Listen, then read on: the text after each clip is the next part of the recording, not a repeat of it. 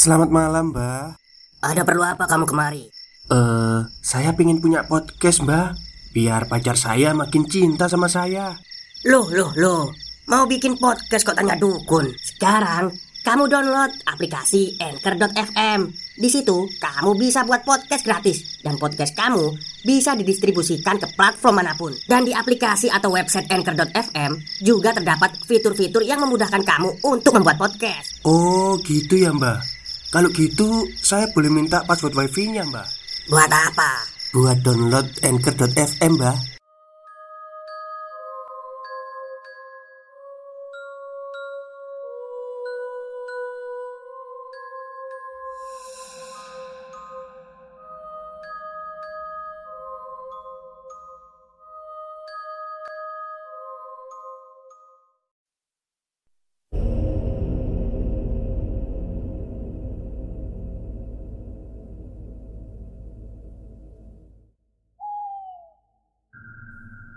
Assalamualaikum warahmatullahi wabarakatuh. Halo semuanya Jumpa lagi dengan saya Chow Sing Sing Kurator dari podcast Horror Night Story. Halo apa kabar semuanya? Semoga kalian semua sehat-sehat ya. Dan seperti biasanya pada malam hari ini Saya kembali Dan akan menghadirkan sebuah kisah mistis untuk kalian semua. Kisah mistis kali ini saya datangkan dari tweet twitternya Mas Kalong yang menceritakan tentang seseorang yang masuk ke dunia jin. Seperti apa kisahnya? Mari kita simak. Kejadian ini terjadi pada tahun 2001. Pengalaman pribadi yang dialami oleh ayah narasumber. Empat hari menghilang di dunia lain di Gunung Merapi, Sumatera Barat. Bagaimana kisahnya? Kejadian yang terjadi pada tahun 2001 dialami oleh ayah narasumber. Sebut saja namanya Bapak Ilham.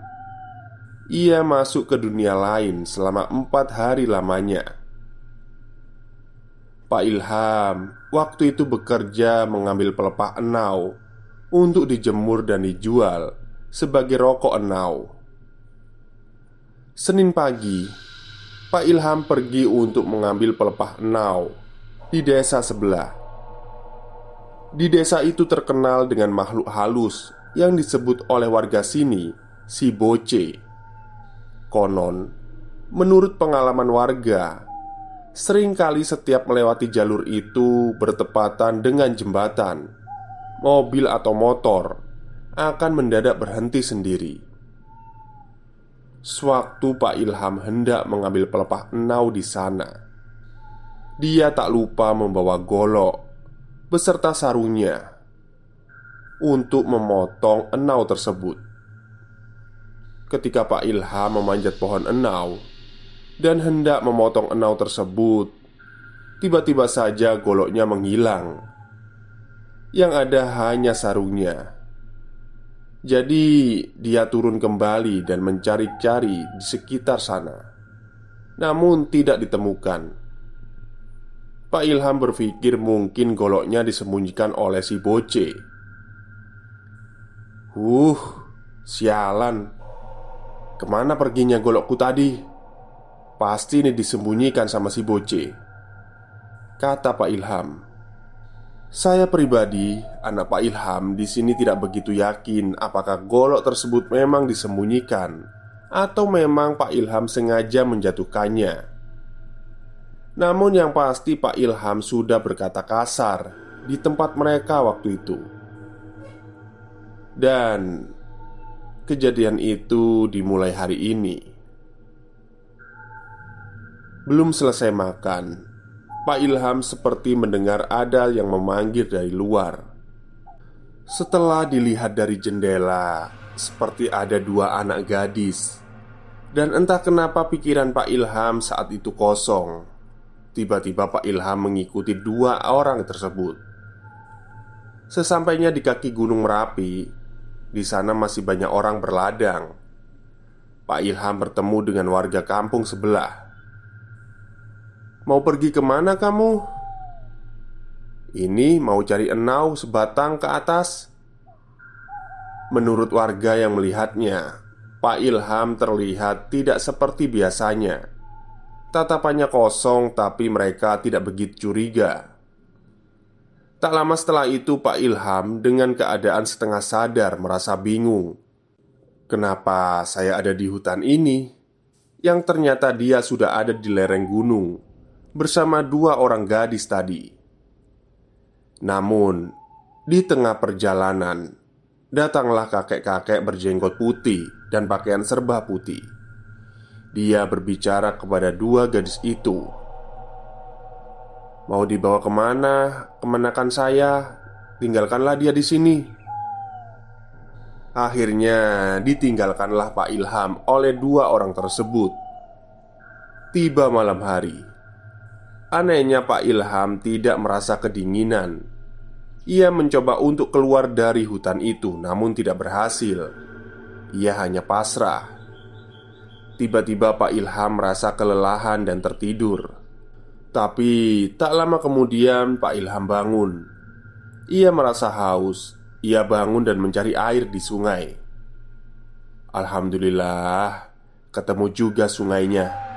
Batin Pak Ilham Tapi kenapa rasa airnya bermacam-macam Semakin lama Pak Ilham merasa janggal Seperti bukan di dunianya sendiri Sementara di rumah warga kampung beserta tim SAR sudah mencari Pak Ilham, namun belum berhasil ditemukan.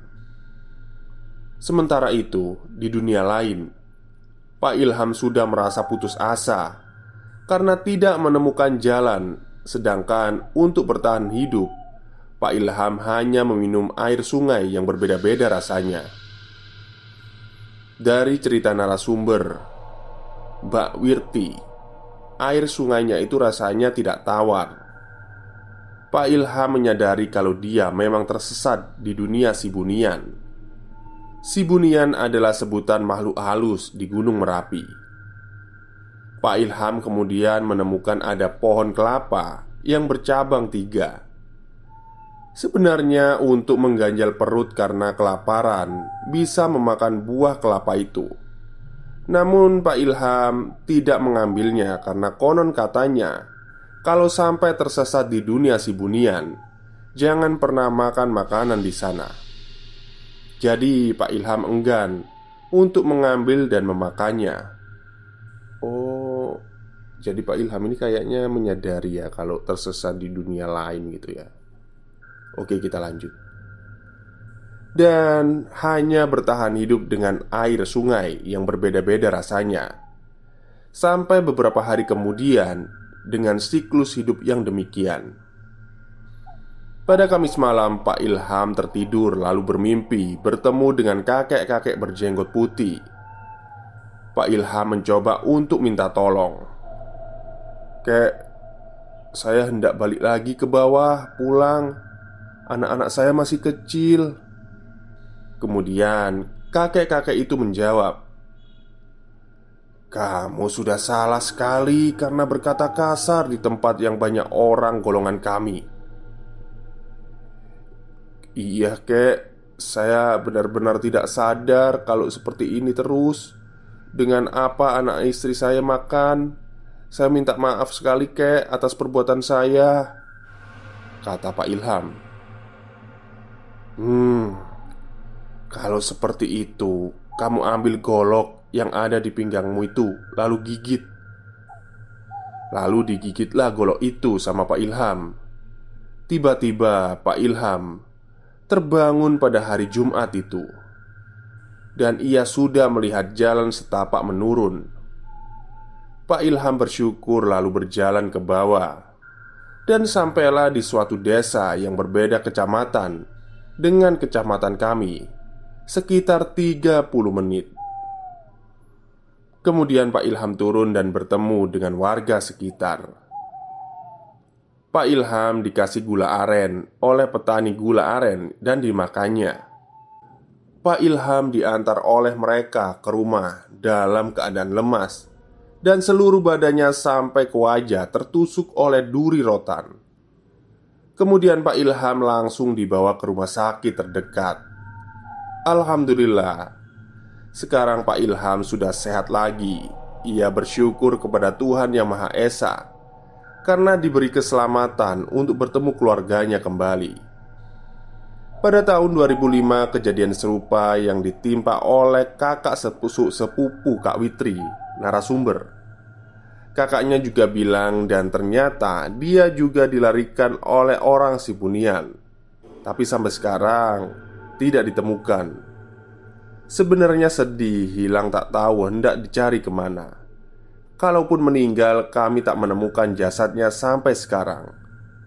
Bedanya, Kakak sepupunya itu kemungkinan memang masih bersedih waktu itu. Sementara Pak Ilham tidak Mbak Witri pernah juga berkomunikasi dengan orang Sibunian Melewati media manusia. Katanya Kakek-kakek tersebut adalah orang siak Atau orang alim di sana.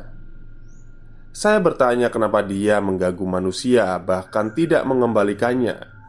Dan mereka menjawab mereka juga butuh tumbal untuk pimpinannya. Sebenarnya waktu itu saya, narasumber Dan teman saya hendak memanggil kakek tersebut Lewat media tubuh teman saya Tapi teman saya tidak kuat Karena kakek itu ternyata lebih kuat Dan akhirnya sampai sekarang kakak sepupu Mbak Witri Tidak atau belum ditemukan setelah ditanyakan kepada orang pintar, ternyata kakak sepupunya sudah menjadi orang Sibunian atau sudah berkeluarga di sana. Pihak keluarga sudah mengikhlaskan kepergiannya. Semoga semua keluarga Mbak Witri diberi kesehatan dan dalam perlindungan Tuhan Yang Maha Esa. Amin. Terima kasih untuk Mbak Witri Ningsi karena sudah mau berbagi cerita. Semoga diberi kesehatan dan dalam perlindungannya. Stop, stop. Kita break sebentar. Jadi gimana? Kalian pengen punya podcast seperti saya? Jangan pakai dukun, pakai Anchor. Download sekarang juga. Gratis. Oh ya, lupa Selaku narasumber Wak Witri berpesan untuk semuanya yang mau berpergian naik gunung ataupun ke mana saja Jangan lupa selalu menjaga sopan santun dalam berlisan dan berperilaku Karena kita itu hidup berdampingan Satu lagi Semalam saat mau menuliskan cerita ini Saya digangguin sama makhluk yang mempunyai rambut panjang Dan berpakaian putih kusut Jadi semalam saya lagi di depan rumah sudah menyiapkan kopi dan rokok. Saat saya masuk untuk mengambil sarung biar nggak digigit nyamuk, kebetulan teras rumah saya di depan jalan raya menghadap ke barat, dan sebelah kanan ada kebun pisang. Banyak banget, nggak ada penerangan sama sekali, dan udah nggak ada orang lewat. Saat saya sudah di teras untuk duduk manis dan meneguk kopi sambil menyalakan rokok, saya mendengar ada suara burung tapi ketawa kecekikikan Pernah dengar gak sih kalian ada burung gitu?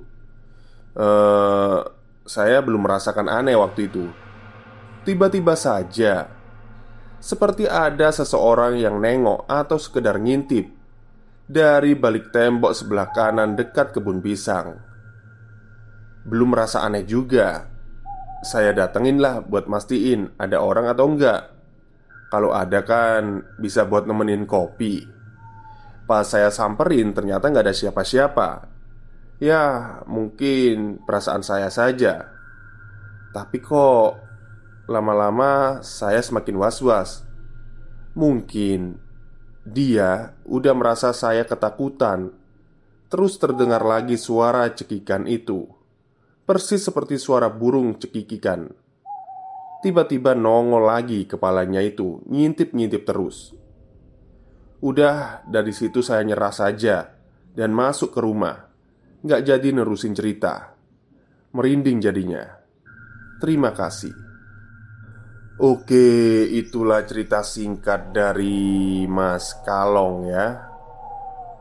Tentang eh, Gunung Merapi yang ada di Sumatera Barat. Sibunian. Ya saya pernah mendengar cerita Sibunian itu ya. Si Bunian itu seperti golongan makhluk halus yang mendiami suatu tempat. Jadi, ketika kita melakukan hal yang salah di tempat itu, kita itu bisa masuk ke dunia itu. Ya, untung-untung kita bisa keluar lah ya. Kadang ada yang nggak bisa keluar dan selamanya di situ. Oke, mungkin itu saja untuk cerita pada malam hari ini. Kurang lebihnya saya mohon maaf. Wassalamualaikum warahmatullahi wabarakatuh.